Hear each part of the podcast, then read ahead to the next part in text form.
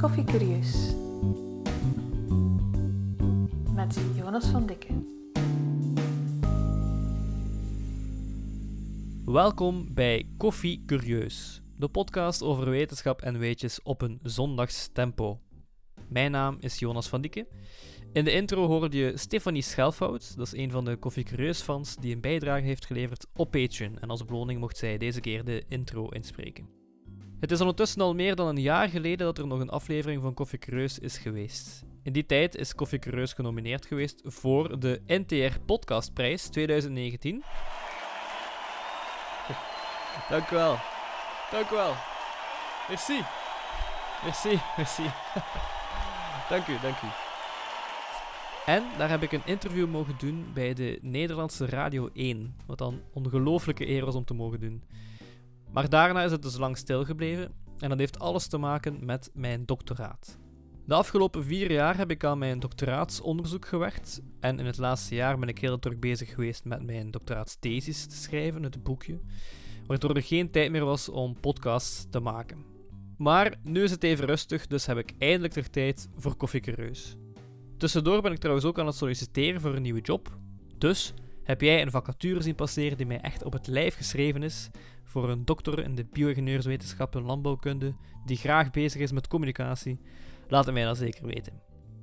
Tijd voor een nieuw seizoen van Koffie Curieus dus. En terwijl ik nieuwe thema's aan het bedenken was, dacht ik: is het eigenlijk niet zonde dat mijn doctoraatsthesis enkel gelezen gaat worden door een handvol mensen? Iets waar ik vier jaar lang aan gewerkt heb, neergeschreven in een boek van meer dan 300 pagina's, maar dat gewoon verticaal geclasseerd wordt tussen de andere honderden doctoraten die ieder jaar worden geschreven. Hoe kan ik aan mensen duidelijk maken wat ik vier jaar lang gedaan heb? Waarom het van belang is dat dit onderzoek gevoerd werd? Daarom is dit een speciale aflevering van Koffie Curieus, want in deze podcast ga ik jullie mijn doctoraat uitleggen. Ik ga jullie alles vertellen over wat het probleem is dat ik wilde oplossen, hoe ik dat gedaan heb en wat de resultaten waren. Natuurlijk gaat dat gebeuren in de gekende koffiecreus-stijl op een zondagstempo, met veel metaforen en extra wistje-datjes die het testen boeiender maken. Doorheen deze aflevering gaan we de klassieke structuur van een wetenschappelijke paper volgen. Dat bestaat altijd uit vier onderdelen. Eerst een introductie, waarin het probleem dat je wil oplossen wordt geschetst. Daarna volgt een stukje materiaal in methode, waarin de proefopzet wordt uitgelegd.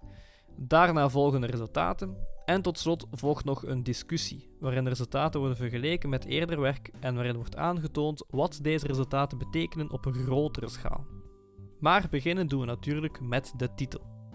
Veel plezier met deze speciale doctoraatsaflevering van Koffie Curieus.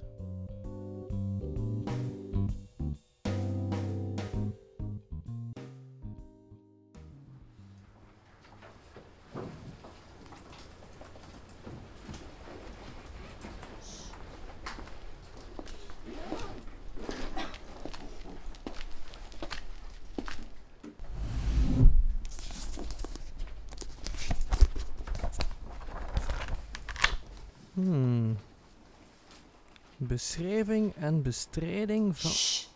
Oeh. Sorry. Beschrijving en bestrijding van mycotoxinecontaminatie in kuilmais. Van zaai tot voederen. Deel 1. Introductie.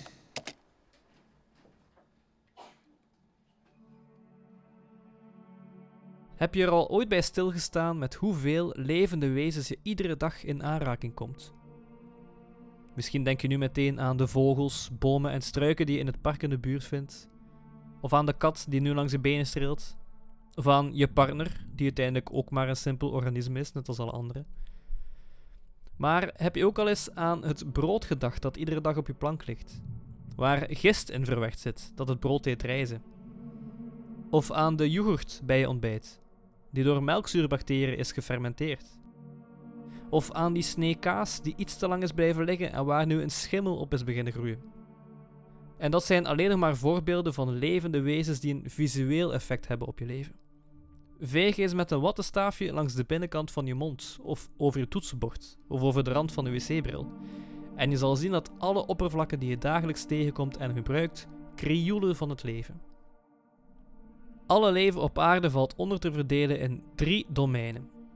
De eerste twee domeinen zijn de bacteriën en de archaea, allebei eencellige organismen zonder celkern, die onderling vooral verschillen in de manier hoe het celmembraan is opgebouwd.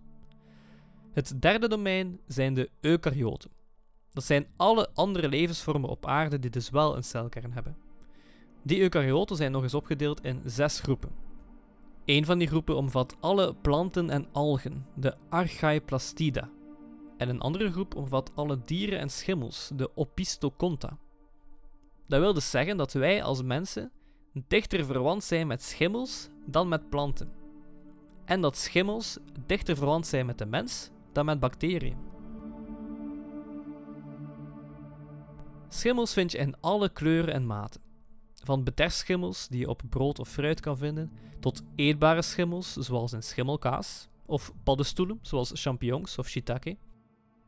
Ook het vegetarische vleesalternatief quorn wordt geproduceerd op basis van een schimmel, namelijk Fusarium venenatum. Schimmels spelen een zeer belangrijke rol in ons ecosysteem op aarde, want ze zorgen ervoor dat plantaardig materiaal omgezet wordt naar nutriënten die later weer kunnen gebruikt worden. Desondanks hebben schimmels voor ons, mensen, vooral een slechte naam. Als je in je leven in contact komt met een schimmel, is dat meestal geen goed teken. Stel je eens voor dat je een pak kaas uit de frigo haalt en je ziet dat er witte schimmelplekken op zitten. Ga je die kaas dan nog opeten? Nee, natuurlijk niet. Maar waarom eigenlijk? Wat is er zo slecht aan schimmels opeten? Als we een champignon mogen opeten, en zelfs roquefortkaas die letterlijk vol zit met schimmels, waarom zouden we die ene schimmel dan niet mogen opeten? Dat komt doordat bepaalde schimmels mycotoxines aanmaken. Dat zijn giftige stoffen die door een heleboel soorten schimmels worden geproduceerd. Het woord mycotoxine is samengesteld uit de Griekse woorden mykes, wat schimmel betekent, en toxicon, wat gif of toxine betekent. Dus het wil letterlijk zeggen toxine van een schimmel. Als je als mens een stuk kaas opeet waar schimmels op groeien, dan is de kans groot dat je daarbij mycotoxines gaat opeten. En die kunnen heel wat nare gevolgen hebben. De symptomen van mycotoxinevergiftiging zijn heel breed en gaan van misselijkheid en diarree tot een verzwakt immuunsysteem. En in de ergste gevallen kunnen mycotoxines zelfs kankerverwekkend of dodelijk zijn. Het lastige aan die mycotoxines is dat er heel veel verschillende soorten mycotoxines bestaan. Tot nu toe zijn er al meer dan 400 mycotoxines beschreven die geproduceerd kunnen worden door meer dan 100 verschillende soorten schimmels. Maar waarschijnlijk zijn er nog veel meer dan dat. Daarboven komt nog dat één mycotoxine door verschillende schimmels kan worden geproduceerd en dat één schimmelsoort meerdere mycotoxines kan produceren. Dat zorgt ervoor dat het onderzoek naar mycotoxines een heel complex verhaal wordt. En ik heb dus gekozen om daar mijn doctoraatsonderzoek op te doen. Top idee. Mycotoxineonderzoek is echter niet altijd zo complex geweest, want eigenlijk zijn de giftige stoffen nog maar vrij recent ontdekt. We gaan even terug in de tijd, naar het jaar 1960.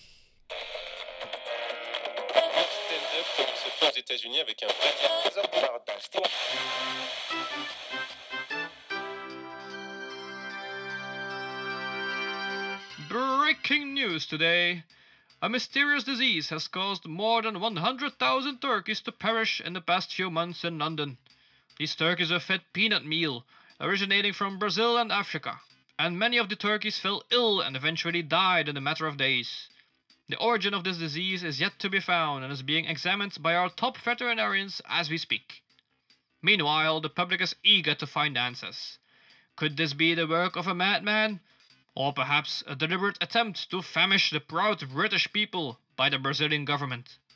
Find out more as the story reveals its secrets in our next news bulletin at BBC News.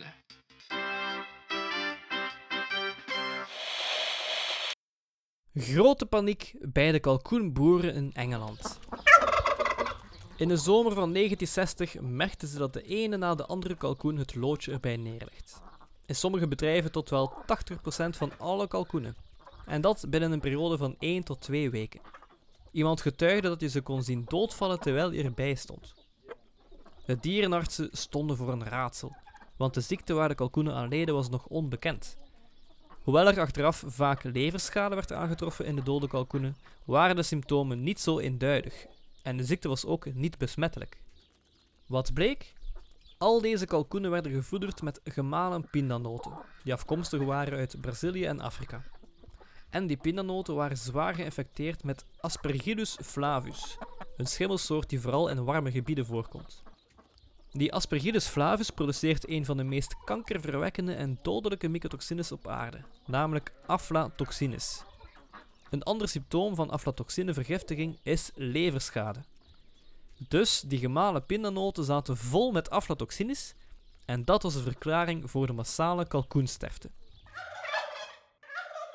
Dat was de eerste keer dat mycotoxines werden geïdentificeerd als oorzaak van een medisch probleem bij dieren of de mens. En in het onderzoek na deze case werd voor het eerst gebruik gemaakt van de woorden mycotoxine en aflatoxine. Maar vergiftiging door mycotoxines gebeurt natuurlijk al veel langer, zolang als mensen en dieren voedsel eten waar schimmels op groeien. Alleen wist men vroeger niet altijd wat de precieze oorzaak was. Zo was er rond de jaren 1900 in de VS een uitbraak van een paardenziekte die het centraal zenuwstelsel aantastte en zo het leven kostte aan duizenden paarden. Later werd het verband gelegd met het opeten van beschimmelde mais. Die paardenziekte heeft trouwens de langste naam uit de hele medische wereld, denk ik, want in het Engels noemt hij voluit Equine leukoencephalomalacia, of afgekort ELM. Als jij nog een langer medisch woord kent, laat het dan zeker weten in de comments op deze podcast, op Twitter of Facebook. Ik ben zeer benieuwd. Niet alleen dieren zijn vatbaar voor mycotoxinevergiftiging. Ook mensen hebben al sinds de oudheid te maken met ziektes veroorzaakt door mycotoxines. Ergotisme bijvoorbeeld. Dat is een zenuwziekte die veroorzaakt wordt door mycotoxines van de schimmel Claviceps purpurea en die al in het jaar 600 voor Christus beschreven werd. En dan is er nog het verhaal van de heksen van Salem.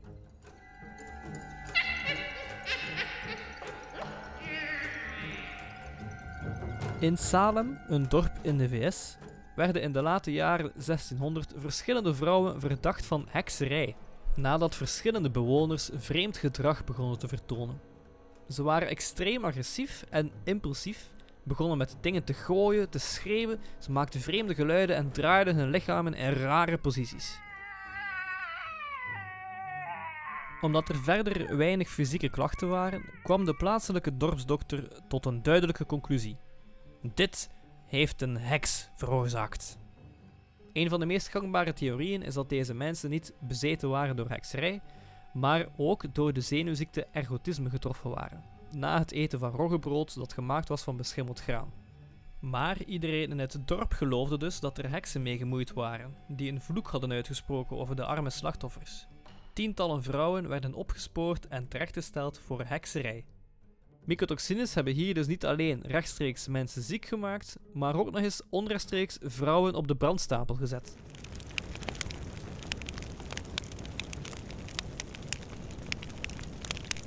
We weten nu dus dat mycotoxines heel giftig kunnen zijn voor de mens. Maar zoals met alle giftige stoffen op aarde, is het niet alleen de pure giftigheid die telt, maar vooral welke dosis je inneemt. Heel veel zaken die wij dagelijks eten zijn dodelijk als je er maar genoeg van opeet. Zout bijvoorbeeld is dodelijk als je rond de 3 gram per kilogram lichaamsgewicht opeet. Omgekeerd telt ook dat mycotoxines in een lage dosis helemaal niet dodelijk hoeven te zijn. Integendeel, dan kunnen ze voor onverwachte voordelen zorgen. En als er iets is waar de mens goed in is, dan is het wel om de natuur en de stoffen die erin vindt zoveel mogelijk te gebruiken of misbruiken voor hun eigen voordeel. We kijken naar drie markante voorbeelden. Ten eerste, sommige mycotoxines lijken heel erg goed op het dierlijk en menselijk hormoon oestrogeen. Zearalenone bijvoorbeeld kan in hoge dosissen zorgen voor vruchtbaarheidsproblemen. Maar in kleine dosissen treedt het gewoon op als een vervanger voor oestrogeen. Zearalenone is in het verleden dan ook gebruikt om alles wat met hormonen te maken heeft te regelen. Bijvoorbeeld als contraceptie, groeihormoon om klachten in de menopauze te verlichten en als doping in sport.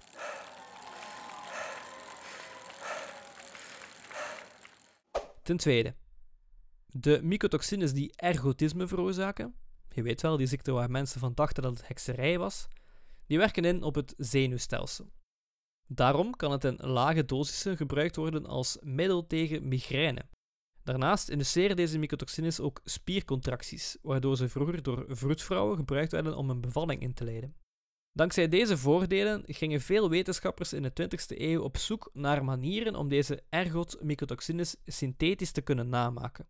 Zo ook een Albert Hofmann uit Zwitserland. Men wist dat lysergeenzuur een van de componenten was, dus Albert combineerde dit zuur met tientallen verschillende amides in een chemische verbinding. Na lang zoeken vond hij uiteindelijk een werkbaar alternatief voor de ergot-mycotoxines. Hoera! Maar hij had nu nog een heleboel andere stoffen ontwikkeld waar niet meteen een doel voor leek te bestaan. Vijf jaar na deze experimenten, meer bepaald in 1943, haalde hij de stoffen nog eens boven en tijdens het experimenteren slikte hij per ongeluk een kleine hoeveelheid in van een van deze stoffen. En die stof bleek niet zo onschuldig te zijn, want er gebeurde van alles in Albert zijn brein.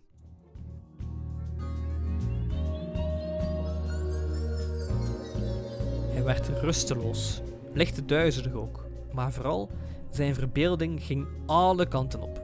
Hij zag kleuren, figuren en vormen als een kaleidoscoop die maar bleef ronddraaien. Na een tweetal uur was het effect uitgewerkt, maar Alberts interesse was gewekt. Een paar maand later ging hij voor een gecontroleerd experiment.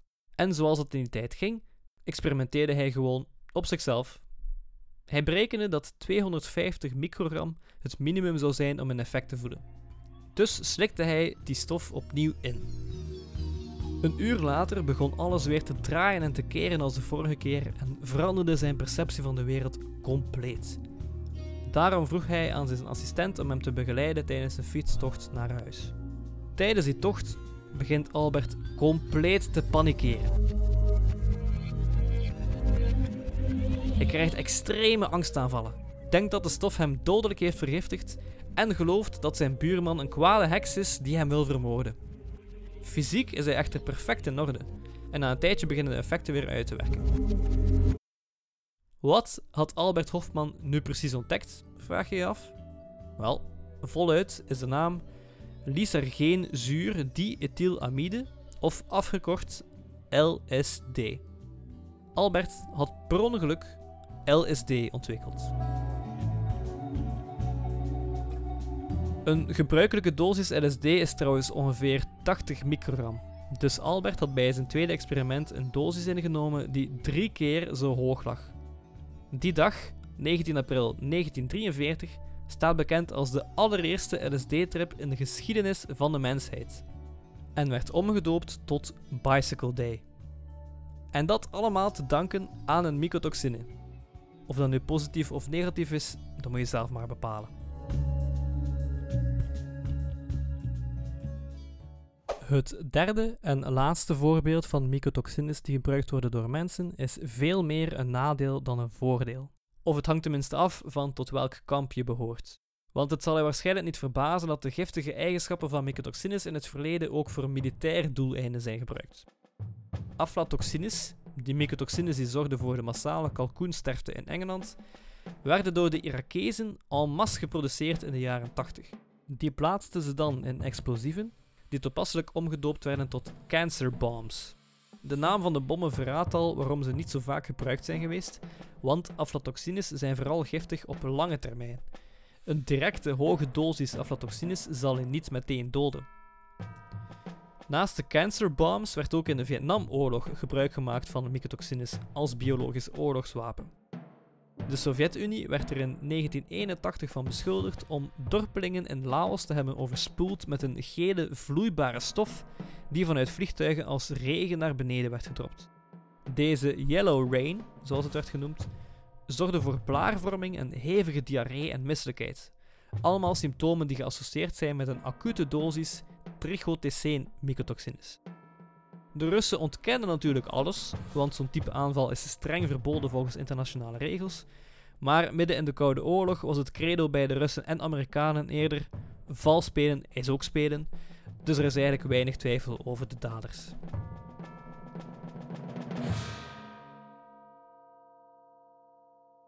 genoeg historische achtergrond en wist je datjes over mycotoxines nu? Terug naar het doctoraatsonderzoek. Na al deze voorbeelden lijkt één ding me wel duidelijk. Mycotoxines kunnen tal van effecten hebben op de mens. Maar alles hangt af van om welke mycotoxine het precies gaat en in welke dosis er wordt toegepast. Ook voor landbouwdieren is dat zo. Varkens en pluimvee zijn bijvoorbeeld heel gevoelig aan mycotoxinevergiftiging in hun voeder, vaak met de dood tot gevolg. Ook paarden zijn heel gevoelig, vooral voor neurologische ziektes. Koeien daarentegen, die lijken wel resistent te zijn tegen mycotoxines. Die kunnen veel hogere dosissen mycotoxines aan dan die andere dieren, zonder dat ze iets van effect voelen. Om dat te begrijpen, moeten we even wat dieper ingaan op het spijsverteringsstelsel van de koe.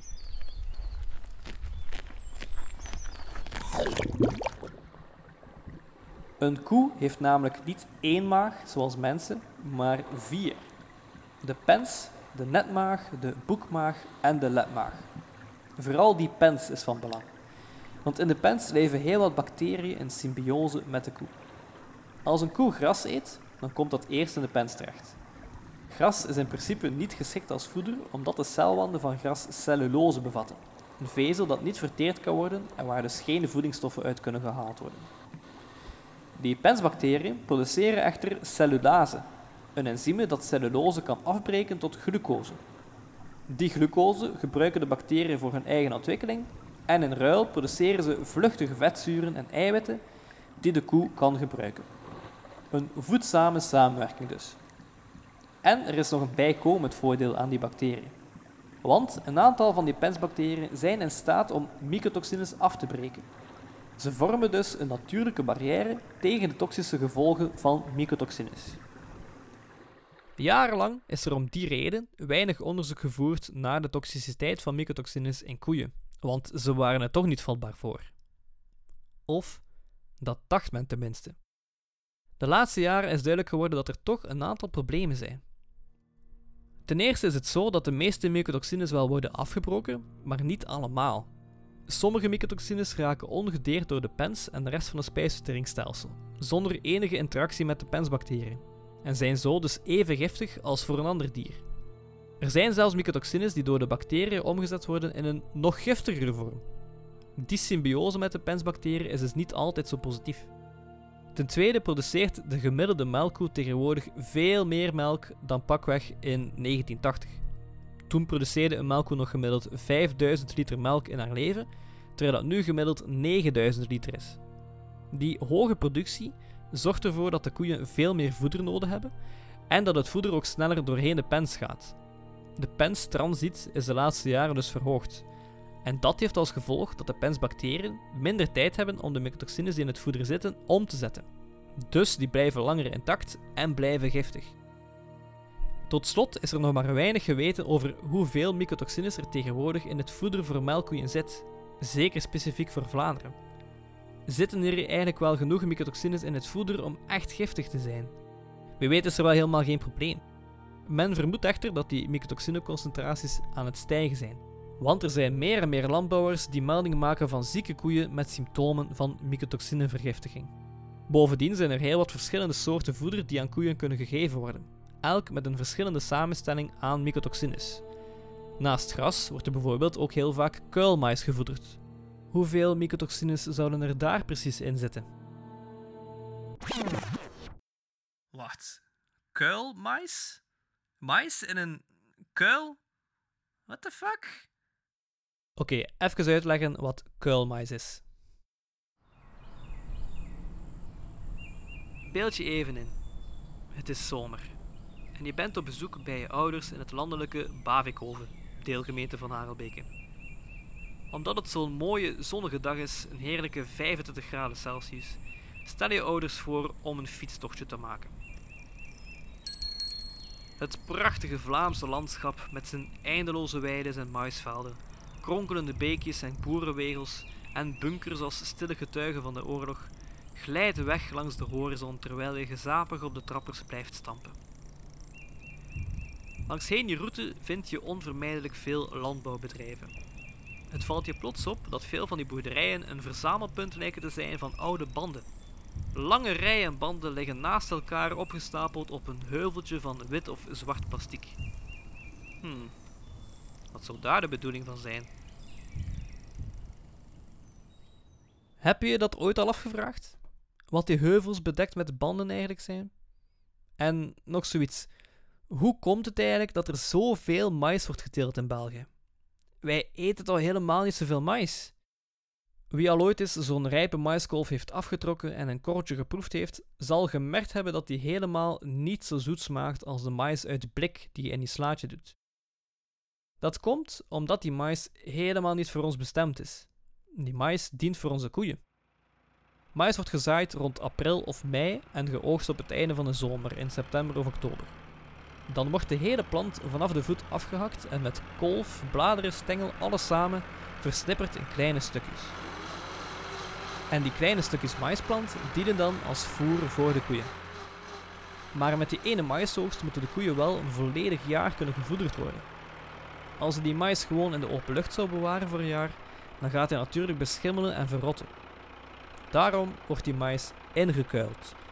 En dat gebeurt onder het plastic waar die banden op liggen. Net na de oogst worden de versnipperde maisstukken op een hoop gelegd, meestal tussen twee stenen wanden. Alle lucht wordt eruit geperst door erover te rijden met zware tractoren.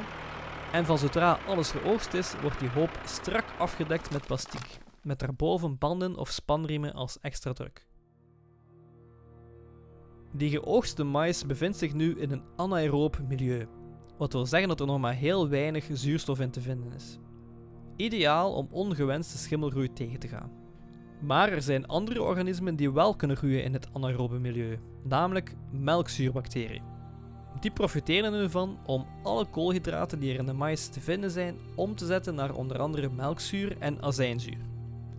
Door die zuren daalt de pH van de mais en wordt hij dus zuurder en zuurder, wat ervoor zorgt dat ongewenste schimmels niet kunnen groeien. Eens alle koolhydraten zijn omgezet naar zuren en de bacteriën hun maaltijd hebben voltooid, daalt de activiteit in de maiskuil en kan de mais, die nu gefermenteerd is, maanden tot zelfs jaren veilig bewaard worden. Ja, maar waarom wordt het eigenlijk een maiskuil genoemd? Het ligt toch op een hoop, niet in een kuil? Tegenwoordig ligt dat inderdaad altijd op een hoop. Maar vroeger gebeurde dat wel letterlijk in een kuil. De boer groef toen gewoon een ondiepe kuil in de grond, smeet er al zijn mais in en dekte het dan af met stro of aarde. Maar de kwaliteit van het voer ging daarmee snel achteruit en daarom schakelden ze na een tijdje over naar betonnen platen. Maar de term inkuilen is dus wel blijven bestaan. Nu is het dus zo dat er, ondanks deze fermentatie en zuurproductie, toch mycotoxines in de mais kunnen gevonden worden. Hoe kan dat dan? Ten eerste kunnen schimmels de maisplanten op het veld infecteren. Er zijn heel wat soorten die dat doen, elk met een eigen mycotoxines, maar de bekendste zijn die van de geslachten Fusarium en Aspergillus. Als een plant op het veld geïnfecteerd raakt met schimmels en die schimmels produceren daar al mycotoxines, dan ga je die mycotoxines ook nog terugvinden na het inkuilen en dus bij het voederen aan de koeien. Ten tweede kan het ook zijn dat het inkuilen van de mais niet goed verloopt. Als de kuil niet volledig anaeroop is, dan kunnen die schimmels met die laatste restjes zuurstof toch nog overleven en in de kuil zelf nog mycotoxines aanmaken. Penicillium is zo'n typische kuilschimmel. Je zal die naam misschien herkennen van het antibioticum penicilline. En een van de soorten van penicillium is Penicillium roqueforti, waarmee roquefortkaas wordt gemaakt. Oeh, dus die schimmel die in roquefortkaas zit, is dezelfde schimmel die in maiskuilen mycotoxines kan maken. Word je dan niet ziek van roquefort eten? Dat is effectief één en dezelfde schimmelsoort. Alleen heb je binnen een schimmelsoort ook nog verschillende isolaten, die elk meer of minder mycotoxines kunnen aanmaken. Dus daar zit er al een verschil op. Plus, schimmels maken mycotoxines alleen aan onder bepaalde omstandigheden. Roquefortkaas wordt bijvoorbeeld gerijpt bij slechts 4 graden Celsius en bij die temperatuur gaan er geen mycotoxines gemaakt worden.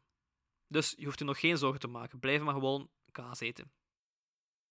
Tot slot is het ook zo dat een kuil onvermijdelijk ooit geopend moet worden om te voederen. En daarbij komt er opnieuw zuurstof in de kuil. Door die zuurstofinjectie is het mogelijk dat slapende schimmelsporen opnieuw ontwaken, of dat nieuwe schimmelsporen in de maiskuil worden geblazen met de wind.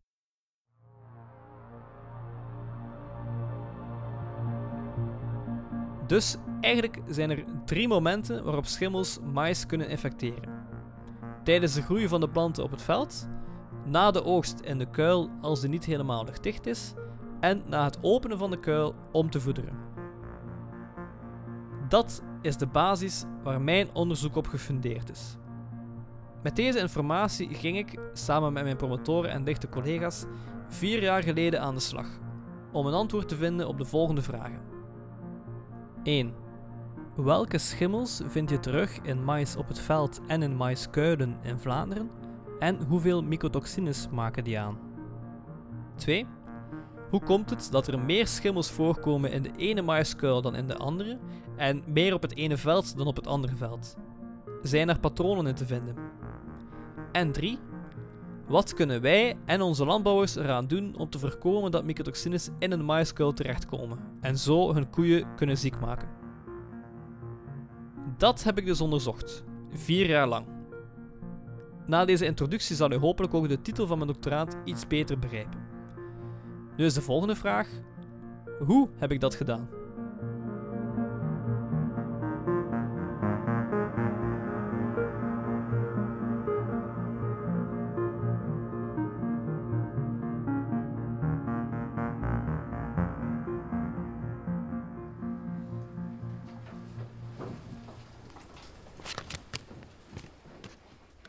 Beschrijving en bestrijding van mycotoxinecontaminatie in kuilmais.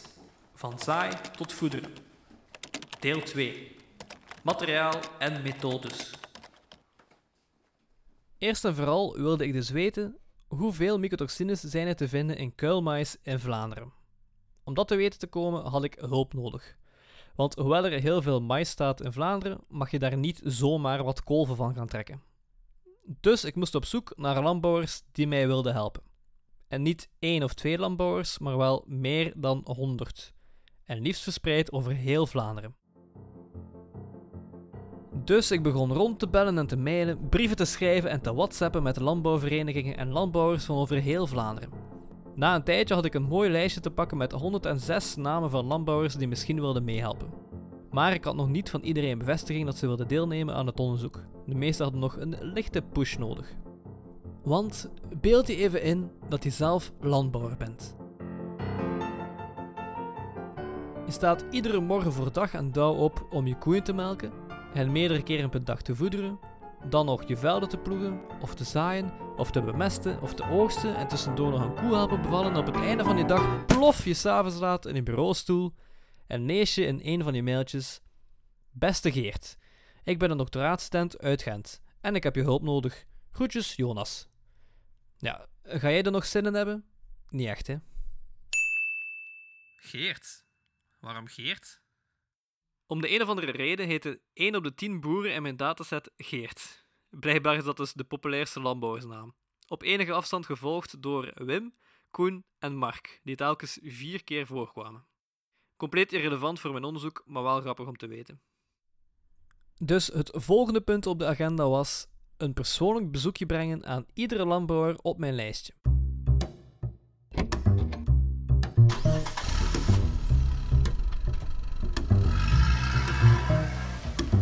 Dus ik kroop in mijn Cambio deelwagen en ik reed rond in heel Vlaanderen. Op zoek naar de landbouwers die mij wilden helpen. En ik bleef maar rijden. Van Adegem tot Zwevegem, van Geel tot Roborst, van Varsenaren tot Reti en zelfs helemaal tot in de voerstreek. En bij iedere stop stapte ik uit om een babbeltje te doen met de landbouwer in kwestie. Over mijn onderzoek, over hun landbouwbedrijf, hoe lang ze al bezig waren, hoeveel koeien er waren. Heel vaak ging het om bedrijven die al generaties lang in dezelfde familie gebleven zijn. Veel landbouwers hadden wel ooit al eens gehoord van mycotoxines, maar wisten niet precies wat voor problemen die konden opleveren. Dus tijdens mijn bezoek kon ik hen al heel wat nieuwe informatie geven. In ruil boden ze zich aan om tijdens de oogst van een kuilmais een staal te nemen voor ons. We kozen er samen één bepaald perceel uit en verzamelden alle mogelijke gegevens die er over dat perceel te vinden waren. Hoe groot was het? Welk type grond was het? Welk gewas stond er voor de mais? Enzovoort enzovoort. Na de oogst stopte de landbouwer het maisstaal in de diepvriezer En nadien haalde ik het staal op voor de analyse in het labo, waar ik straks nog meer over vertel. Als beloning kregen de landbouwers nadien de resultaten van die analyse gratis opgestuurd. Dat hele proces hebben we drie jaar lang gedaan, waardoor we in totaal 257 stalen van vers geoogste kuilmais hebben kunnen analyseren.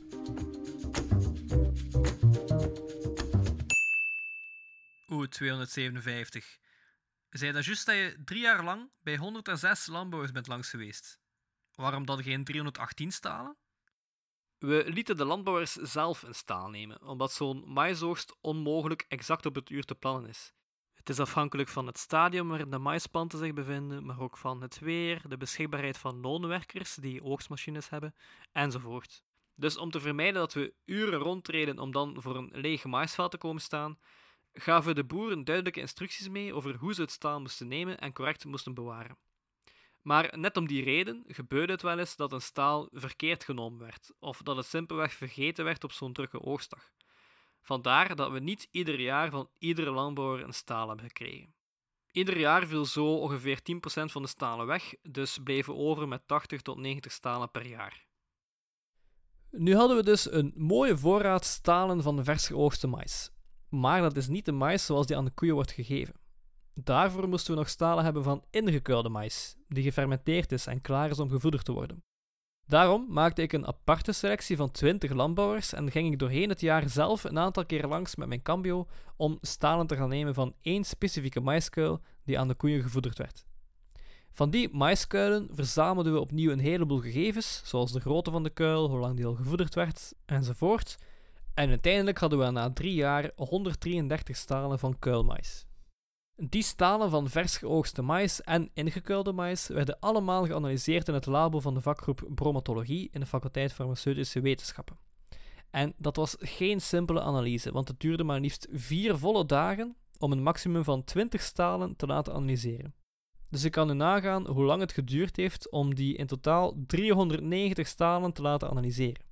Gelukkig had ik daarvoor hulp van mijn collega Katrien, die de analyses heeft uitgevoerd. Tijdens de analyse werd de concentratie nagegaan van 23 verschillende mycotoxines. Kort gezegd wordt het maïstaal eerst opgezuiverd, waarbij je alle vuiligheid, alle stoffen die je niet wil analyseren, zoveel mogelijk wegwast.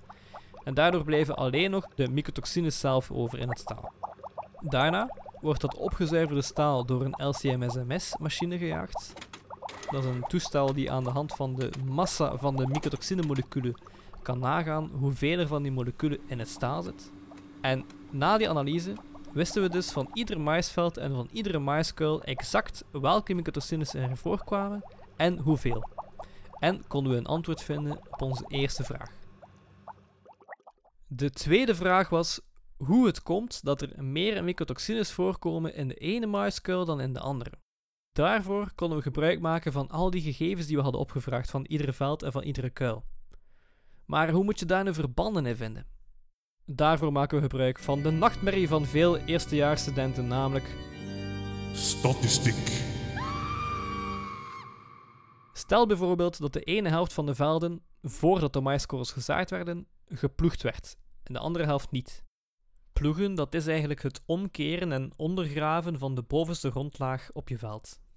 Ons vermoeden op voorhand was dat mais dat op een geploegd veld staat minder kans heeft op schimmelinfecties en dus minder mycotoxines zal bevatten dan mais op een niet geploegd veld.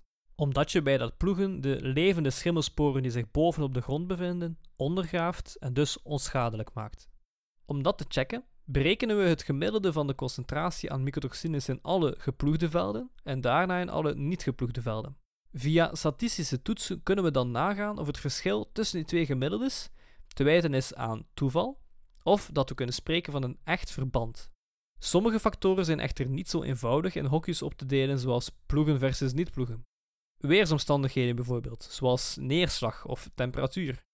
Daarvoor werken we met correlaties. Als een stijging in de neerslag op een maisveld altijd gepaard gaat met een stijging in de mycotoxineconcentraties, dan kan je spreken van een significant verband. Ook daar bestaan verschillende statistische toetsen voor om dat verband objectief vast te leggen.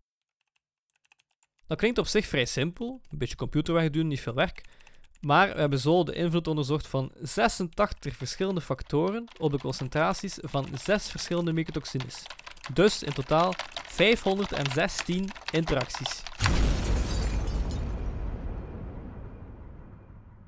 Bovendien moet je opletten voor het verschil tussen correlatie en causaliteit. Een significante correlatie kan bijvoorbeeld zijn: meer regen is gelinkt aan hogere mycotoxineconcentraties. Maar dat is niet hetzelfde als zeggen: regen is de oorzaak van de hogere mycotoxineconcentraties. Dat is causaliteit. Maar je moet altijd opletten met zo'n uitspraken. Misschien regende het gewoon wat meer in een regio waar toen toevallig een uitbraak was van schimmelinfecties. Je moet dus altijd op zoek gaan naar de onderliggende reden van een bepaalde correlatie.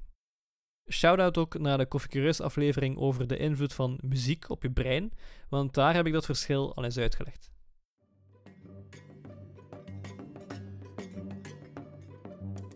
Naast deze tsunami van statistische data hebben we ook zelf nog een aantal factoren apart onderzocht in gecontroleerde omstandigheden. Zo hadden we op de proefhoeven van Bottelaren bij Merelbeke veldproeven lopen die de invloed van het maïsras, gewasrotatie en ploegen op de mycotoxineconcentraties in mais nagingen. We bootsten ook zelf het inkoopproces na door PVC-buizen met mais luchtdicht af te sluiten, waarmee we een aantal specifieke kuilfactoren konden checken. En in het labo onderzochten we ook de precieze werking van biofumigatie. Wat dat is, leg ik jullie straks nog uit. Tot slot hadden we nog onze laatste vraag, namelijk wat kunnen onze landbouwers er zelf aan doen om te voorkomen dat mycotoxines in een maïskool terechtkomen en zo hun koeien ziek kunnen maken? Hiervoor gingen we uit van het credo: voorkomen is beter dan genezen. Als je op voorhand kan voorspellen dat er veel mycotoxines in je maïskool zullen zitten, dan heb je nog tijd om er iets aan te doen.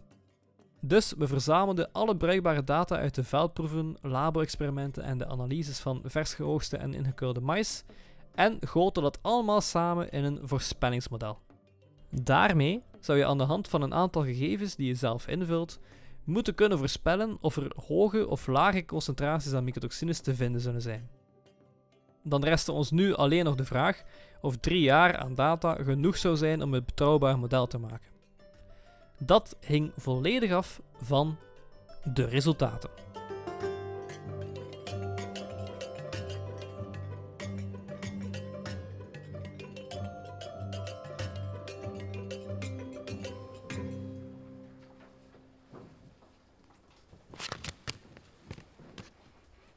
Beschrijving en bestrijding van mycotoxinecontaminatie in kuilmais. Van zaai tot voeder. Deel 3. Resultaten. De eerste conclusie van onze analyses: mycotoxines zitten overal. Letterlijk iedere maisveld en iedere maiskuil die we geanalyseerd hebben bevatten op zijn minst sporen van mycotoxines.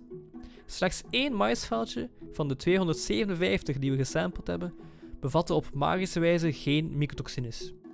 De Europese Unie heeft voor een aantal van de bekendste mycotoxines richtlijnen opgesteld. Grenswaarden die, als ze overschreden worden, mogelijk gevaarlijk kunnen zijn als ze gevoederd worden. En een aantal van de maisvelden en maiskuilen in ons onderzoek overschreden ook effectief die grenswaardes. Maar eigenlijk zijn het niet die hoge concentraties van één mycotoxine die ons het meeste zorgen baarden maar wel dat er zoveel verschillende mycotoxines in één maisveld of kuil kunnen voorkomen. In bepaalde maisvelden vonden we tot wel 10 verschillende mycotoxines. En dat kan serieuze gevolgen hebben voor het vee.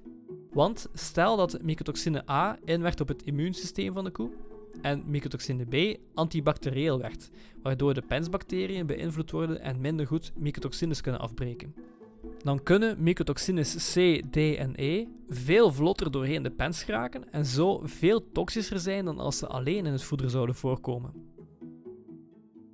Die gecombineerde toxiciteit van verschillende mycotoxines is nu nog helemaal niet opgenomen in de wetgeving van de EU.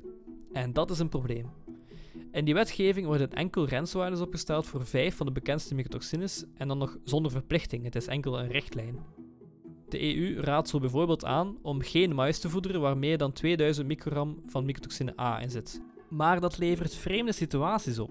Want stel dat je één staal hebt waar 2500 microgram van mycotoxine A in zit. hoger dan die grenswaarde en verder niks. En daarnaast heb je een tweede staal waar 1000 microgram van mycotoxine A, 500 microgram van mycotoxine B, 600 microgram mycotoxine C en ook nog eens mycotoxines D, E, F en G in voorkomen, maar telkens onder de grenswaardes. Intuïtief zal je zeggen dat staal 2 veel gevaarlijker is dan staal 1. En toch is staal 1 verboden volgens de EU, terwijl die staal 2 zogezegd veilig mag voederen. In mijn doctoraat heb ik er dan ook voor gepleit om die richtlijnen aan te passen. Ten eerste met een uitbreiding van het aantal mycotoxines waar grenswaarden voor bestaan, en ten tweede om rekening te houden met die gecombineerde toxiciteit. Want nu krijgen koeien in Vlaanderen onbewust nog heel wat verschillende mycotoxines binnen. Zeg maar, als die maiskuil vol zit met schimmels, dan gaat die koe dat toch wel merken? Die zal het toch op een of andere manier wel zien of ruiken dat hij dat best niet opeet? Eigenlijk niet. Ten eerste zijn de schimmels die op het veld mais infecteren op dat moment al weg en quasi onzichtbaar. Mycotoxines zelf hebben amper een geur of kleur, dus koeien eten dat gewoon op. Maar zelfs de schimmels die je wel kan zien, gaat een koe met heel veel smaak opeten. Ik heb het daarnet gehad over Penicillium roqueforti van de roquefortkaas. Wel, die schimmel komt dus vaak voor in maiskuilen en vormt heel grote blauw-groene schimmelbollen. En blijkbaar vinden koeien die typische smaak van Roquefort wel lekker, want verschillende boeren hebben me verteld dat als er zo'n bol schimmel in de voedertrog ligt, dat koeien die dan vaak sneller zullen opeten dan niet beschimmelde mais. Het is blijkbaar een delicatesse. Tot zover de Europese politiek. We weten nu welke mycotoxines er in ieder veld en in iedere maiskuil zitten en in welke concentraties. En we hebben een pak gegevens over ieder veld en iedere kuil. Na dagenlang de data door de computer te jagen, hebben we een aantal factoren ontdekt die een significante invloed hebben op het voorkomen van mycotoxines in mais. Soms waren de resultaten verwacht, maar af en toe zijn we op zaken gestoten die we niet op voorhand hadden voorspeld. Ik zal er met jullie een aantal overlopen.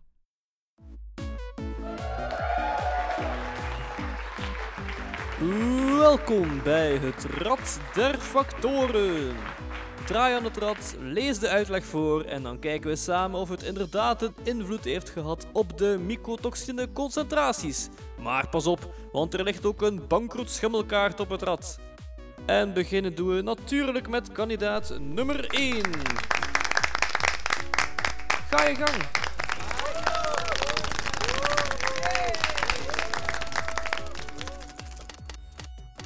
Oeh, wat heb je gedraaid? Vertel het eens, Wim.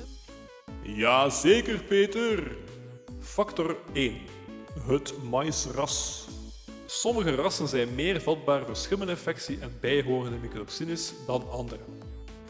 Ja, dat klinkt als een goede statuuk op het bord. Jazeker! Klopt. Zowel in de survey van maisvelden in Vlaanderen als in onze eigen veldproeven hebben we gezien dat sommige maïsrassen meer gevoelig zijn aan schimmelinfecties en dus aan mycotoxines dan andere rassen, zelfs als die op 2 meter van elkaar op exact dezelfde manier geteeld zijn. Dat kan verschillende redenen hebben. Sommige maïsrassen hebben een betere natuurlijke verdediging tegen schimmels door zelf antifungale stoffen aan te maken. Maar minder schimmels op een bepaald ras kan ook te maken hebben met een resistentie tegen insecten. Sommige schimmelsoorten profiteren namelijk van de wondjes die insecten maken in planten om via die weg de plant te infecteren. Dus als je insecten kan weghouden, houd je ook de schimmels tegen. Ja, goed gedaan hoor. Je mag opnieuw draaien.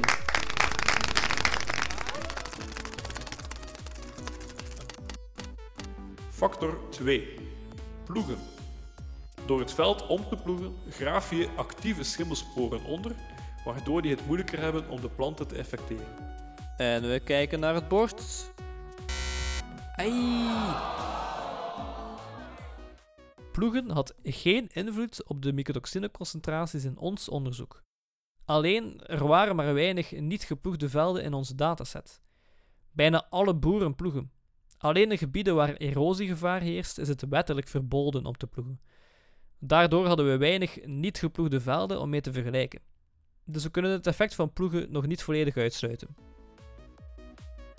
Ai, dat was niet goed. Dan gaan we door naar de volgende kandidaat. Draai maar.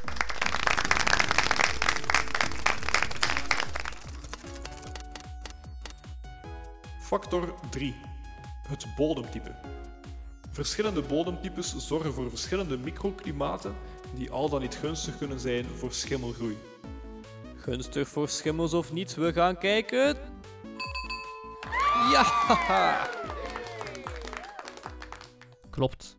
In onze survey van maisvelden in Vlaanderen vonden we dat er significant minder mycotoxines van bepaalde soort voorkwamen op zandbodems dan op zandleem of leembodems.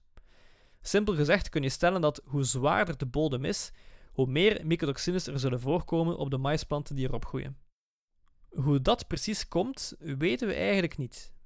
Schimmels houden van een bepaald vochtgehalte in de omgeving en het is mogelijk dat lichtere bodems, zoals zand, het regenwater sneller doen doorcijpelen, waardoor er een droger microklimaat heerst tussen de planten. Een andere mogelijkheid is dat het hier eigenlijk niet om een effect van de bodem gaat, maar wel om een regio-effect. Zandbodems vind je vooral in het noorden van Vlaanderen, terwijl zandleem en leembodems meer richting Wallonië in het zuiden van Vlaanderen liggen. Dus het is mogelijk dat er iets typisch is voor die regio's, waardoor er meer mycotoxines voorkomen. Alleen hebben we geen andere verbanden gevonden met de regio's. Het is niet zo dat er in het zuiden van Vlaanderen bijvoorbeeld meer regen gevallen is, of dat ze daar vaker ploegen of van gewas veranderen of bepaalde rassen gebruiken. Dus we vermoeden dat het toch echt wel met die bodem zelf te maken heeft. Goed bezig, je mag nog eens draaien.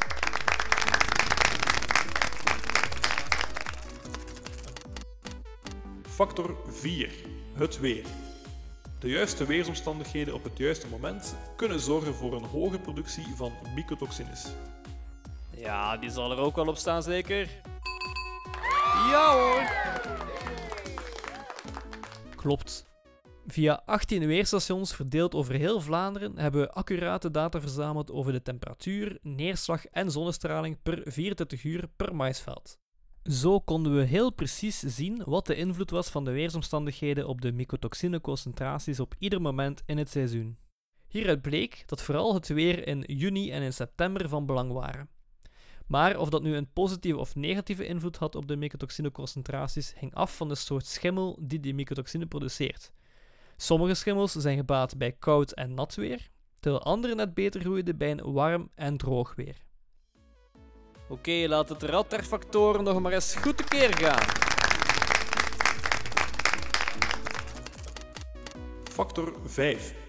Klimaatsverandering. Meer warme en droge jaren zorgt ervoor dat schimmels vanuit het zuiden naar onze regio trekken. Ja, deze kan haast niet fout zijn. Ja! Maar daar mag ik misschien niet zo blij mee zijn. Haha. Klopt, helaas. Ons onderzoek duurde van 2016 tot 2018. En in die drie jaar hebben we hier in Vlaanderen heel uiteenlopende weersomstandigheden gekregen. In 2016 was er extreem veel regen in juni en liepen heel wat maisplanten schade op door overstroomde velden. In 2017 was het dan weer heel warm en in 2018 was het nog warmer, met temperaturen die tot meer dan 40 graden Celsius gingen. En het was vooral ook veel droger, met uitzonderlijk weinig regen. De mycotoxines die we terugvonden in die drie jaren verschilden dan ook heel sterk. Dat viel het meest op bij het voorkomen van fumonisines. Fumonisines zijn een groep mycotoxines die gemaakt worden door de schimmel Fusarium verticillioides. Die is al lang bekend in onder andere Zuid-Europa, maar hier in Centraal-Europa en Noord-Europa komt hij maar zelden voor. In 2016, het jaar met veel regen, vonden we de fumonisines dan ook in amper twee stalen terug. Maar toen kwam 2017 en 2018 en die extreme warmte en droogte die Fusarium verticillioides nodig heeft om te groeien. En die fumonisines, die zagen we plots overal opduiken. Van twee stalen in 2016 naar 16 stalen in 2017 en 58 stalen in 2018. En ook de concentratie fumonisines ging pijlsnel de hoogte in.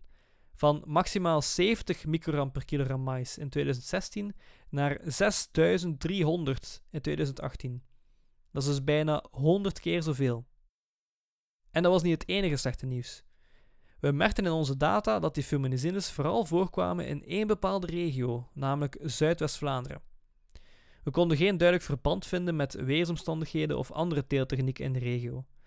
Maar er is één belangrijke factor waar wij geen data over hebben verzameld, namelijk insectenschade. En Fusarium verticilloides is net zo'n soort die vaak planten infecteert via de wondjes die insecten nalaten. In het zuiden van Europa wordt die Fusarium verticilloides vaak geassocieerd met het voorkomen van de maisboorder, een insect waarvan de larven ernstige schade kunnen aanbrengen aan maisplanten. Die vormde tot nu toe geen groot probleem in Vlaanderen. Maar ook dit insect migreert steeds verder naar het noorden door klimaatsverandering. Dus wij vermoeden dat de maisboorder Vlaanderen is binnengetreden via Zuidwest-Vlaanderen en zo de infectie van Fusarium verticilloides op mais in Vlaanderen mee heeft veroorzaakt. Dus klimaatsverandering zorgt niet alleen voor meer mycotoxines, maar ook nog eens voor meer insectenschade. En hoewel ons onderzoek maar drie jaar duurde, hebben we daar in die korte tijd toch al de effecten van gezien.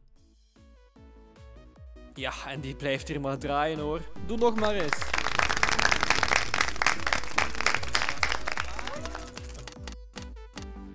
Factor 6. Zaaiddichtheid. Hoe dichter de maisplanten op elkaar staan, hoe warmer en vochtiger het microklimaat ronder wordt en hoe makkelijker het wordt voor schimmels om planten te infecteren. En we kijken naar het bord. Ai, dan toch eindelijk een verkeerde factor. In ons onderzoek had de zaaiddichtheid geen invloed. Nochtans hebben andere onderzoekers het effect al meermaals bewezen. Alleen maakten die in hun onderzoek gebruik van onrealistische waardes, waarbij planten die met 10 op een vierkante centimeter stonden vergeleken werden met planten die op een meter van elkaar groeiden, bij wijze van spreken. In onze dataset was die variatie veel kleiner en was het dus ook moeilijk om een verschil te vinden. Dan moeten we toch verder met kandidaat nummer 3. Ga je gang.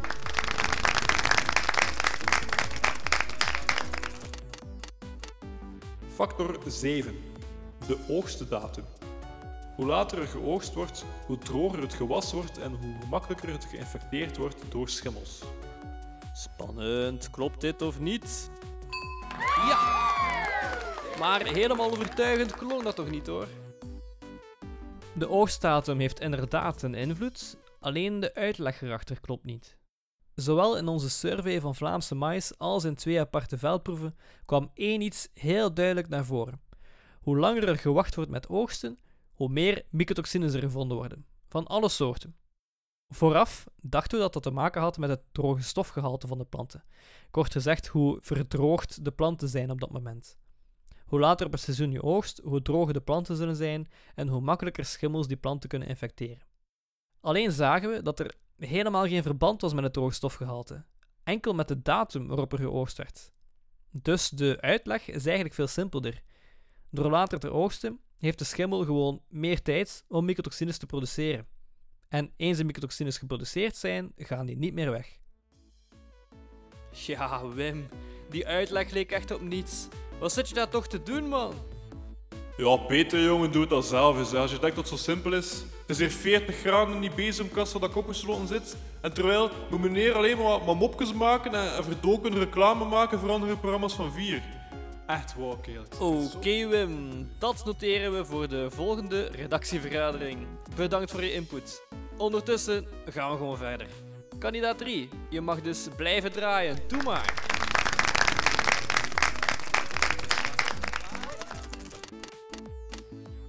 Wim? Factor 8. Gewasrotatie. Jarenlang hetzelfde gewas zaaien zorgt ervoor dat plagen zoals schimmels, die graag dat gewas infecteren, zich kunnen blijven vermenigvuldigen. Ieder jaar een ander gewas zaaien zorgt ervoor dat die pathogenen uit de bodem verdwijnen. Ja, zo'n lange en contractueel verplichte uitleg van Wim, dat kan niet meer verkeerd gaan, toch? Oh nee, toch wel! Gewasrotatie heeft geen invloed op de mycotoxinegehaltes in mais. Of tenminste, niet in ons onderzoek. Zowel in de survey in Vlaanderen als in twee verschillende eigen veldproeven vonden we geen enkele invloed van het afwisselen van gewassen op de mycotoxineconcentraties in mais. Dus jarenlang mais na elkaar zaaien, of mais afwisselen met tarwe, bloemkool, aardappelen, het maakt niet uit. En dat hadden we niet verwacht. Het zou ook fout zijn om nu gewasrotatie af te raden aan landbouwers, want je gewassen afwisselen heeft nog steeds heel wat andere voordelen. Het houdt nog steeds andere pathogenen zoals insecten tegen en het zorgt ervoor dat de nutriëntenbalans in de bodem in stand gehouden wordt. En zo zijn we terug bij kandidaat 1 aanbeland. Draai je maar.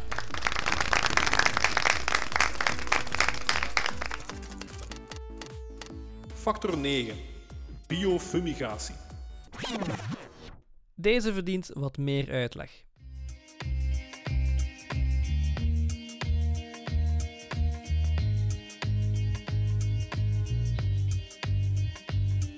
Biofumigatie is het inwerken van bepaalde soorten planten in de bodem om het feitelijk te vergassen en zo alle pathogenen weg te jagen. Die planten dat zijn er van het Brassica-geslacht. In dat geslacht vind je onder andere veel kolen, zoals bloemkool en rode kool, maar ook zwarte mosterd, waarvan we de zaadjes gebruiken om mosterd te maken. Die Brassica-planten die hebben een speciale eigenschap. Als je de cellen van die planten breekt, door de plant bijvoorbeeld open te snijden, dan komt er een gas vrij. Dat gas dat noemen we isothiocyanaten. En die zijn giftig voor een heleboel organismen, waaronder voor schimmels. Dat effect hebben we uitgebreid onderzocht in ons labo in de proefhoeve van Botlaren, in drie verschillende experimenten. In het eerste experiment mixten we een aantal van die brassica-planten van verschillende soorten en legden die plantenstukjes naast een schimmel, zonder dat ze elkaar aanraakten, waardoor enkel de vrijgekomen gassen die schimmel konden beïnvloeden. Dat was een succes, want bij sommige planten zorgden de gassen ervoor dat de schimmel meteen doodviel. Bij andere planten was er wel nog schimmelroei, maar ging het heel traag vooruit. Vooral één specifieke plantensoort, namelijk Sarepta-mosterd, zorgde voor de beste resultaten. Uit dat eerste experiment bleek dat vooral één specifiek gas de schimmelgroei vertraagde, namelijk allyl-isothiocyaanaat. In een tweede experiment werkten we daarom enkel verder met dat ene gas. En opnieuw zorgde dat voor een duidelijke vertraging in de schimmelgroei. We konden zelfs heel mooi zien dat hoe hoger de concentratie was van dat gas, hoe meer de schimmelgroei vertraagd werd.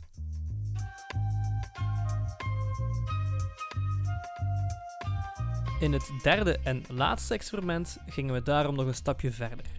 We kropen wat dichter bij de praktijk en lieten deze keer mais opgroeien in potten in ons labo. In de grond mengden we schimmels onder en gemixte planten van het brassica-geslacht. Schimmels zorgen er normaal voor dat maisplantjes trager zullen groeien. Maar door die brassica-planten toe te voegen, werden de schimmels onschadelijk gemaakt en groeiden de maisplantjes perfect. Ook hier zorgde één plantensoort, namelijk Sarepta-mosterd, voor de beste resultaten, omdat die de hoogste concentratie allyl-isothiocyaanaat kon produceren. Ben je nog mee? Oké, dan keren we even terug. Factor 9. Biofumigatie. Het inwerken van brassica-planten zorgt ervoor dat de bodem wordt ontsmet en dat er minder mycotoxines voorkomen op het volgende gewas. Ondertussen kennen we eigenlijk het antwoord al, maar we gaan toch even kijken. Ja, maar niet helemaal overtuigend. Biofumigatie werkt, maar hoe goed het werkt hangt van heel wat factoren af. We hebben die biofumigatie met Sarepta-mosterd ook heel kort één jaar in een velproef getest. En daar waren de resultaten al een pak minder overtuigend. Als je je bodem grondig wil desinfecteren door mosterdplanten in te werken, dan moet je met heel wat zaken rekening houden. Het moet de juiste plantensoort zijn en het juiste ras. Het moet op het juiste moment ingewerkt worden, liefst als de planten in bloei staan. Het moet voldoende gemixt zijn, wat niet altijd simpel is met die lompe mastodonten van landbouwmachines. Het moet in een voldoende vochtige bodem ingewerkt worden en bij de juiste temperatuur. En zelfs dan nog is uit ander onderzoek gebleken dat hoe goed je ook op al deze zaken hebt gelet, biofumigatie niet altijd het gewenste effect geeft. We kunnen dus nog niet met 100% zekerheid zeggen of het in de praktijk wel haalbaar is om dit te doen. Want als je als boer niet zeker bent dat iets zal werken, heeft het misschien weinig zin om het zelfs te proberen. Het wordt op dit moment in de praktijk alleszins nog maar weinig toegepast. Maar misschien komt er in de toekomst nog verandering in.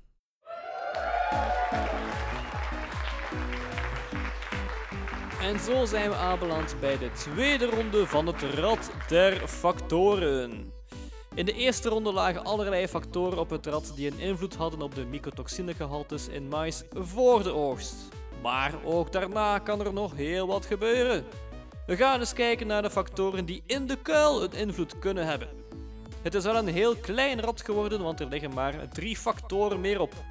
We spelen nog verder met twee kandidaten en kandidaat 1, jij mag beginnen. Draai maar.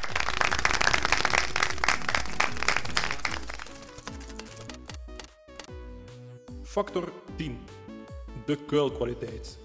In een kuil die niet goed is afgesloten, kunnen schimmels blijven groeien en stijgen de mycotoxineconcentraties.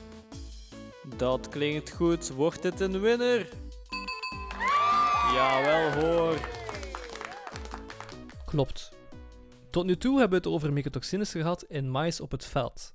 Als die planten geoogst worden, komen die mycotoxines gewoon mee. Dus heb je al een stevige dosis mycotoxines in de kuil nog voordat je ze hebt afgesloten. Gelukkig hebben wij ontdekt dat doorheen het inkuilproces, waarbij anaerobe melkzuurbacteriën die maisnutriënten omzetten en een zure omgeving creëren, dat die mycotoxineconcentraties dalen. Maar dat gebeurt enkel als het inkuilproces deftig verloopt.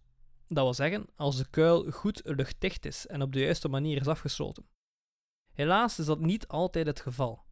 Er zijn een aantal zaken die ervoor zorgen dat het inkuilproces niet perfect verloopt, zoals de mais te droog oogsten, waardoor je minder druk op kan zetten, niet genoeg verhakselen bij het oogsten, waardoor er grote delen overblijven waar zuurstof tussen kan zitten, niet genoeg folie gebruiken of de verkeerde folie gebruiken, en de ondergrond van de kuil speelt ook een rol. De meeste boeren hebben een stuk asfalt op hun bedrijf waar ze de maiskuil op kunnen maken, maar sommigen doen het nog op een simpel stukje grond. En dat zorgt ervoor dat lucht en schimmels veel makkelijker in de kuil kunnen raken. Goed bezig, je mag nog eens draaien.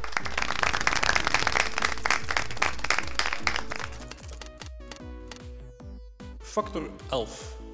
Kuilproducten. Bepaalde producten kunnen mycotoxines uit de kuil halen. Simpele uitleg, maar klopt het ook?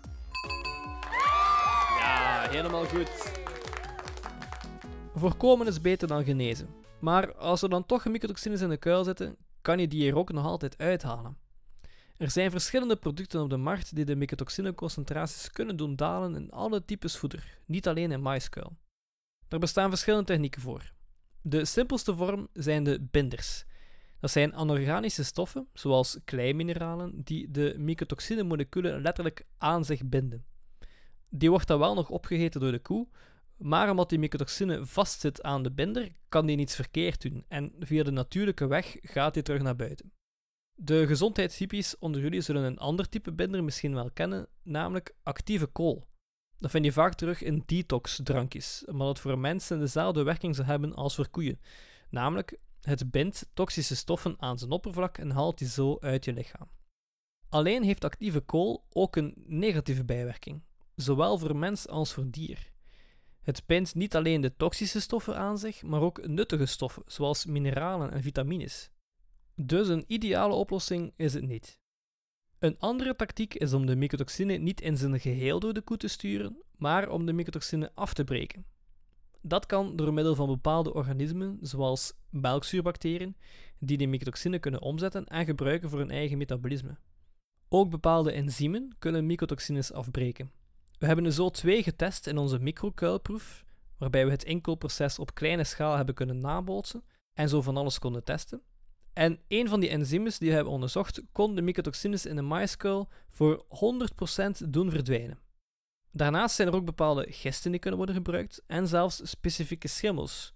Dus je kan eigenlijk schimmels inzetten om mycotoxines gemaakt door andere schimmels af te breken. Je mag nog een laatste keer draaien, kandidaat 1.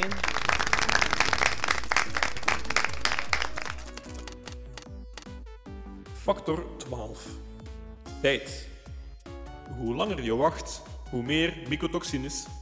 Als deze correct is, dan gaat kandidaat 1 naar de finale. Ja, fantastisch! Je hoorde daarnet al dat tijd een rol speelt voor de oogst. Namelijk, hoe langer je wacht om te oogsten, hoe hoger de mycotoxinegehaltes in de mais zullen zijn. Wel, tijd speelt in de kuil ook een heel speciale rol. Ik zei daarnet al dat in een goed werkende kuil de mycotoxines deels worden afgebroken door de bacteriën. Nadat de bacteriën hun werk hebben gedaan, komt de kuil in een stabiele fase waarin er niet zoveel meer gebeurt en kan je de kuil maanden tot zelfs jaren gesloten laten liggen. Maar in die tijd gebeurt er iets geks. De concentratie van bepaalde mycotoxines gaat heel tragisch omhoog. En niet alleen in slecht afgesloten kuilen, maar in alle kuilen. Hoe dat komt, weten we niet precies. Maar dit is de meest logische verklaring. Mycotoxines krijgen tijdens het inkoelproces tijdelijk kleine aanpassingen, kleine veranderingen in de vorm of samenstelling van de moleculen. Door die kleine aanpassingen worden ze meestal minder toxisch, maar zijn ze ook niet meer detecteerbaar in onze analyse.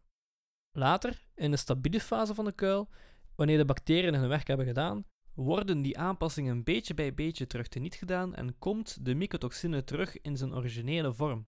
Hoe langer je dus wacht om die kuilmais te voederen, hoe meer mycotoxines terug zullen omgezet zijn naar een originele vorm. Er is nog een tweede reden waarom je best niet te lang wacht met de kuil te voederen, en dat is omdat je dan minder kans hebt op gaatjes en slordigheden in de afdekking van de kuil, waardoor er lucht de kuil kan binnendringen en waardoor nieuwe schimmelinfecties kunnen optreden. En eens je begonnen bent met voederen, is het ook best om snel vooruit te gaan, want langs de kant die open ligt kunnen ook weer nieuwe schimmels de mais effecteren. Als je snel vooruit gaat, heb je weinig tijd om nieuwe mycotoxines te maken. Dus, algemene conclusie: het leven is voor de rappen. Hoe langer je wacht, hoe meer mycotoxines. Welkom, welkom dames en heren bij de finale van het Rad der Factoren. Kandidaat 1. Jij krijgt nu de kans om met een fantastische prijs naar huis te gaan. Maar eerst gaan we nog eens alle 12 factoren overlopen die we tijdens het spel hebben gehoord. Als jij van alle factoren correct kan zeggen of ze wel of niet een invloed hebben op de mycotoxinegehaltes in mais, dan word jij de grote winnaar van het Rad der Factoren. Ook de luisteraars thuis mogen trouwens meedoen en bewijzen dat ze goed hebben opgelet. Oké, kandidaat 1 is er klaar voor. We beginnen in 3, 2, 1. Het maisras. Had een invloed, klopt. Ploegen. Inderdaad, had geen effect op mycotoxines. Het bodemtype. Ja, klopt. De weersomstandigheden. Inderdaad. Klimaatsverandering. Ja, goed zo. Zaaidichtheid. Nee, inderdaad niet. Oogstdatum. Ja, goed bezig. Gewasrotatie. Nee, inderdaad, inderdaad niet. Biofumigatie. Ja, top. En dan gaan we meteen verder naar de factoren in de kuil. Nog drie te gaan, je bent goed bezig. De kuilkwaliteit. Klopt. Kuilproducten. Ja, super. En de laatste. Tijd. Ja, fantastisch, fantastisch. Ja. Kandidaat 1, je hebt het gehaald. Als je thuis hebt meegedaan, laat dan zeker weten op de social media van Koffie Curieus hoe goed je het gedaan hebt. En kandidaat 1, we gaan je niet langer in spanning houden, want hier komt je prijs. Een prachtige, splinternieuwe Fiat Multipla. Veel plezier ermee. Wim? Check je plan, Peter.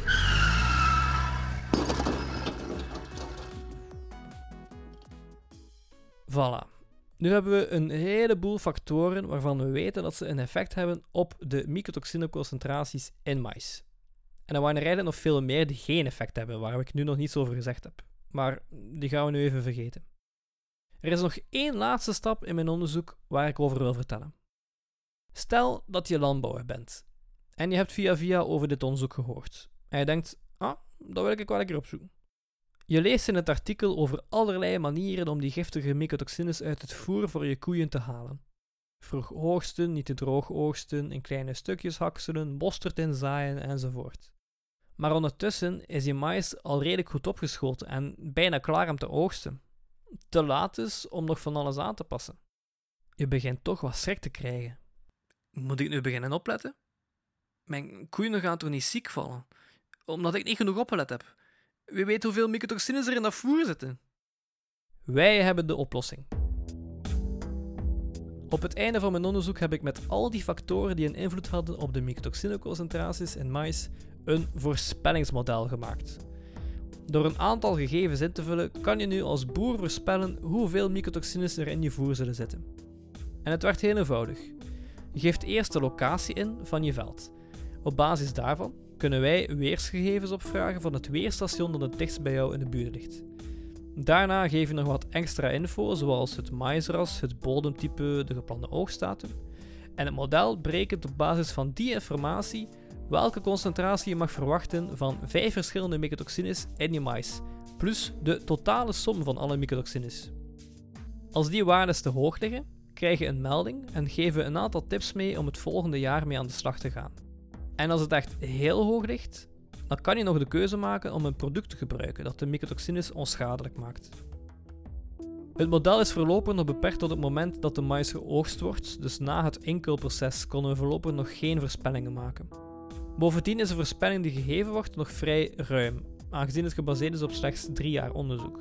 Maar het is wel een goede basis om verder te werken. Als er ieder jaar nieuwe data worden toegevoegd, zal het model jaar na jaar betrouwbaarder worden. En zo hopen we dat alle koeien in Vlaanderen en in de rest van de wereld nooit meer ziek zullen worden door mycotoxines in hun mais.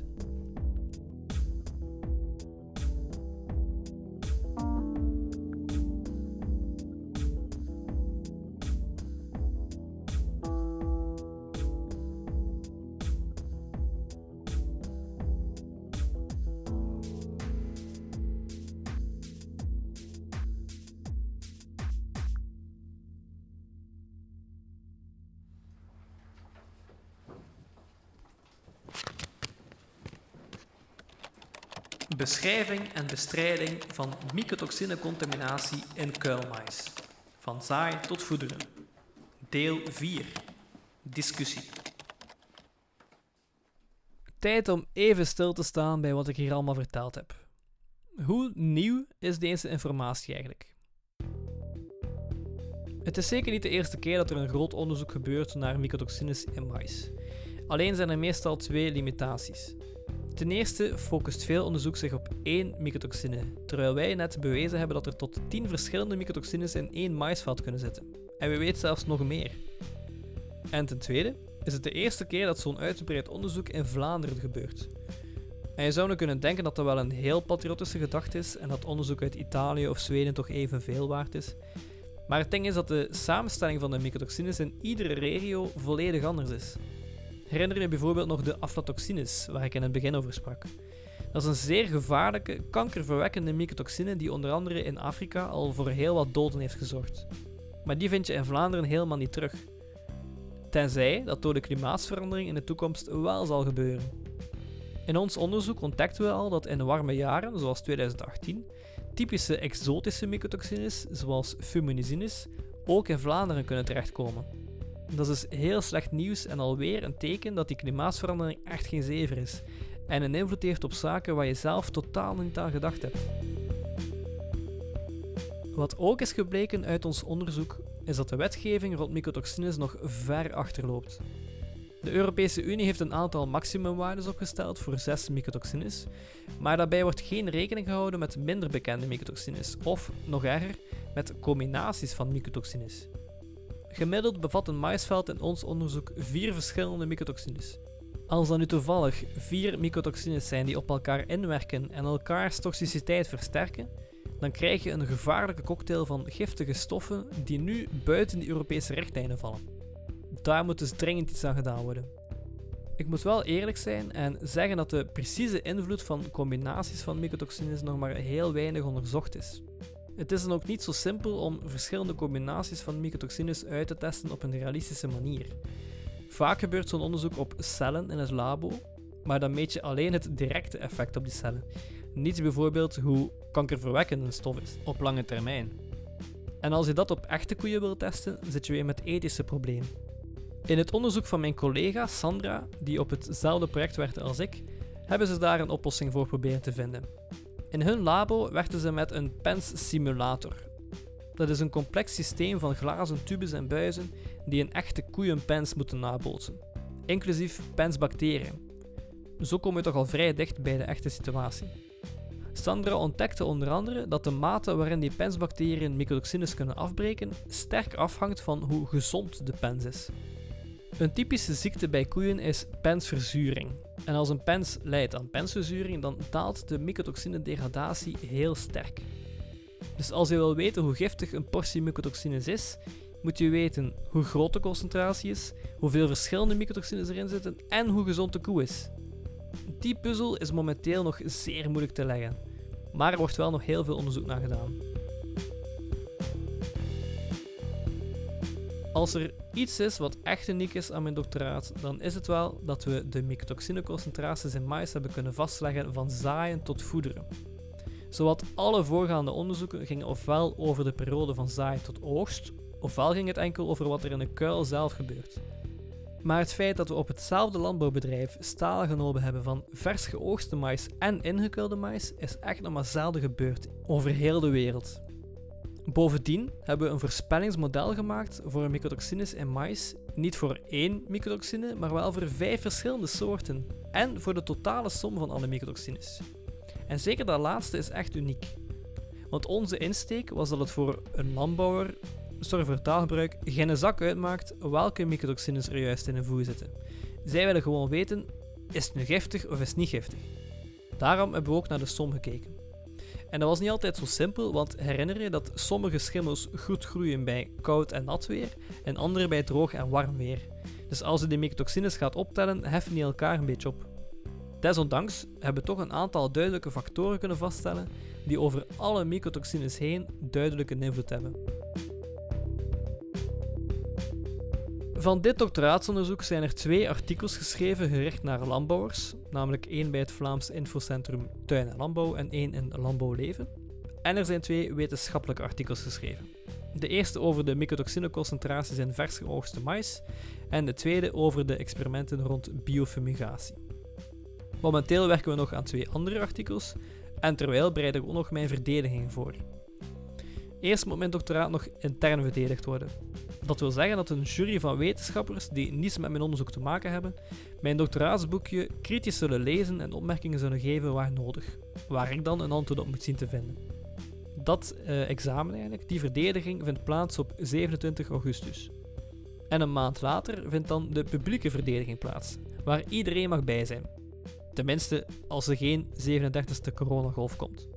Dan mag ik zelf mijn onderzoek voorstellen aan het publiek, aan mijn familie, aan vrienden en collega's. En daarna krijg ik opnieuw wat vragen. Deze keer iets algemener. En als dat gepasseerd is, dan mag ik mezelf dokter-ingenieur Jonas van Dieken noemen. Woe!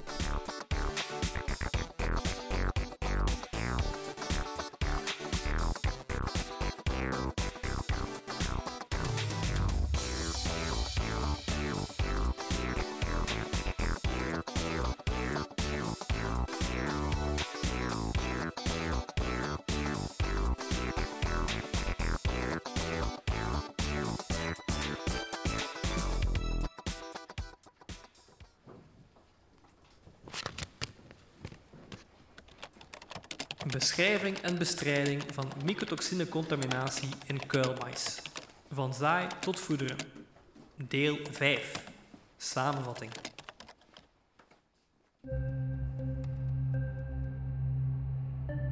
Ons verhaal begint bij een maiszaadje.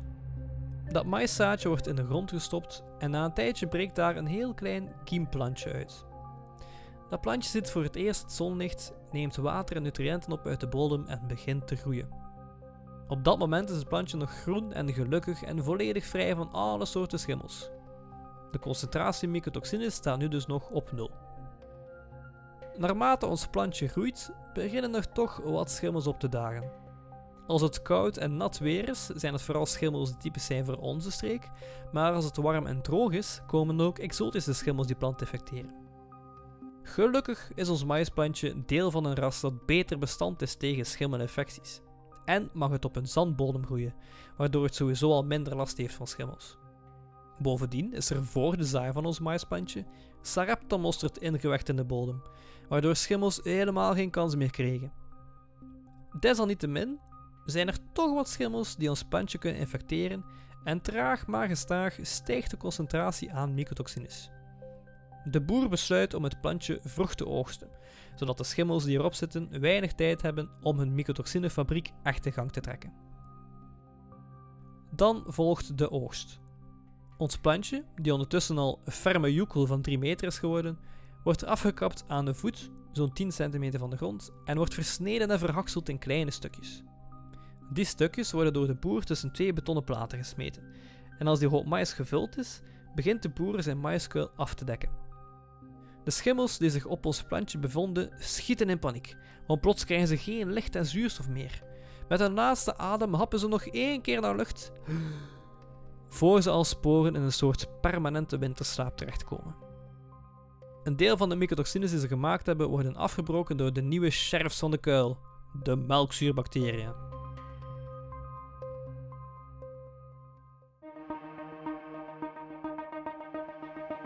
Maar even verderop zijn hun collega-schimmels wel nog in leven. In de maiskuil van de buren is er namelijk wel nog zuurstof. Dat komt omdat hun boer geen deftige folie gebruikte, veel te grote stukken mais heeft ingekuild die bovendien nog te droog waren en niet op beton, maar op de grond een kuil heeft gemaakt. Van kuilproducten heeft deze boer nog nooit gehoord. En de melkzuurbacteriën, die komen hier niet echt op gang zoals het hoort. Dus de schimmels kunnen ongestoord extra mycotoxines blijven maken, terwijl de mycotoxines die er al waren van op het veld rustig kunnen blijven bestaan.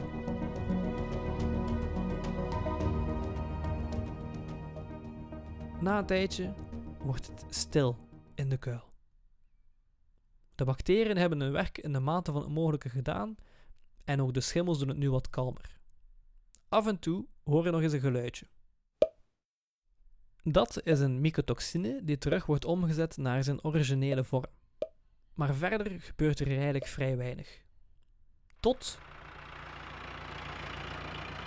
de boer beslist om de maïskuil te beginnen voederen. Laagje per laagje wordt de mais aan de koeien gegeven. Maar onze boer werd zo traag. Nieuwe schimmelsporen waaien met de wind mee in de kuil en kunnen zo hun broeders vervoegen, die nu ook een nieuwe kans krijgen om te groeien. Alweer worden nieuwe mycotoxines bijgemaakt. Ondertussen is onze mais niet langer gewoon mais, maar stroomt er een onzichtbare cocktail van mycotoxines doorheen. Onze boer neemt een flinke schep van de maïskuil en legt het in de voedertrog. Dat hebben de koeien natuurlijk gezien.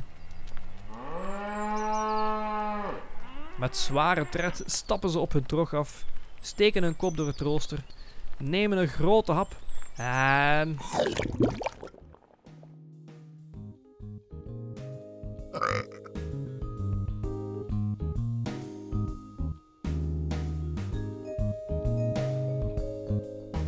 Dat was het voor deze speciale doctoraatsaflevering van Koffie Curieus. Ik hoop oprecht dat jullie er iets van bijgeleerd hebben en dat alles een beetje verstaanbaar was. Ik weet dat het voor veel mensen soms een beetje een ver van een bedshow kan zijn als je niets met de landbouwwereld te maken hebt, maar hopelijk ben je toch mee met het nut van dit onderzoek. Ik ben er al eens heel trots op en ik hoop dat ik dat gevoel heb kunnen overbrengen. En als je vragen zou hebben over het onderzoek, dan mag je me dat zeker laten weten en ik beantwoord ze met veel plezier. Ik wil nog wat mensen bedanken Geert en Chris, mijn promotoren, voor hun begeleiding en om me altijd op het juiste pad te zetten doorheen de jaren. Katrien, voor al het labenwerk dat zij gedaan heeft. Zonder haar zou ik dit doctoraat niet hebben kunnen afwerken. Sandra, die op hetzelfde project werkte als ik en eigenlijk verder werkte waar mijn onderzoek stopte. En dan nog alle collega's van de proefhoeven in Bottelaar en van de campus Schoolmeersen in Gent zijn er veel te veel om op te noemen, dus ik ga dat ook niet doen. Maar de mensen met wie ik het best geamuseerd heb doorheen de jaren zullen wel weten dat het over hen gaat. Als ik zeg merci. Een oprechte merci voor al die toffe momenten. Wat de toekomst zal brengen, weet ik nog niet. Zoals gezegd ben ik momenteel nog op zoek naar een nieuwe job en ondertussen bereid ik ook mijn doctoraatsverdediging nog voor. Maar als er daarna terug wat tijd vrijkomt, mag er zeker van zijn dat ik terug achter mijn micro kruip en nieuwe afleveringen ga opnemen. Ik hou jullie sowieso op de hoogte via Twitter en Facebook. Tot slot, als je deze podcast leuk vindt, denk er dan eens over na om mij te steunen via Patreon. Het kan al vanaf 1 euro en je krijgt er allerlei extra dingetjes voor. Stefanie die gaf 5 euro en mocht daarvoor als beloning deze intro inspreken. Dus als je dat ook eens wil doen en je wil dat er in de toekomst nog meer afleveringen van Koffie Curieus gemaakt worden, check dan zeker eens patreon.com, dus p-a-t-r-e-o-n.com, slash koffiecurieus. Geen Fransje Panneke deze keer, dus rest mij alleen nog te zeggen bedankt voor het luisteren en tot de volgende. Ciao.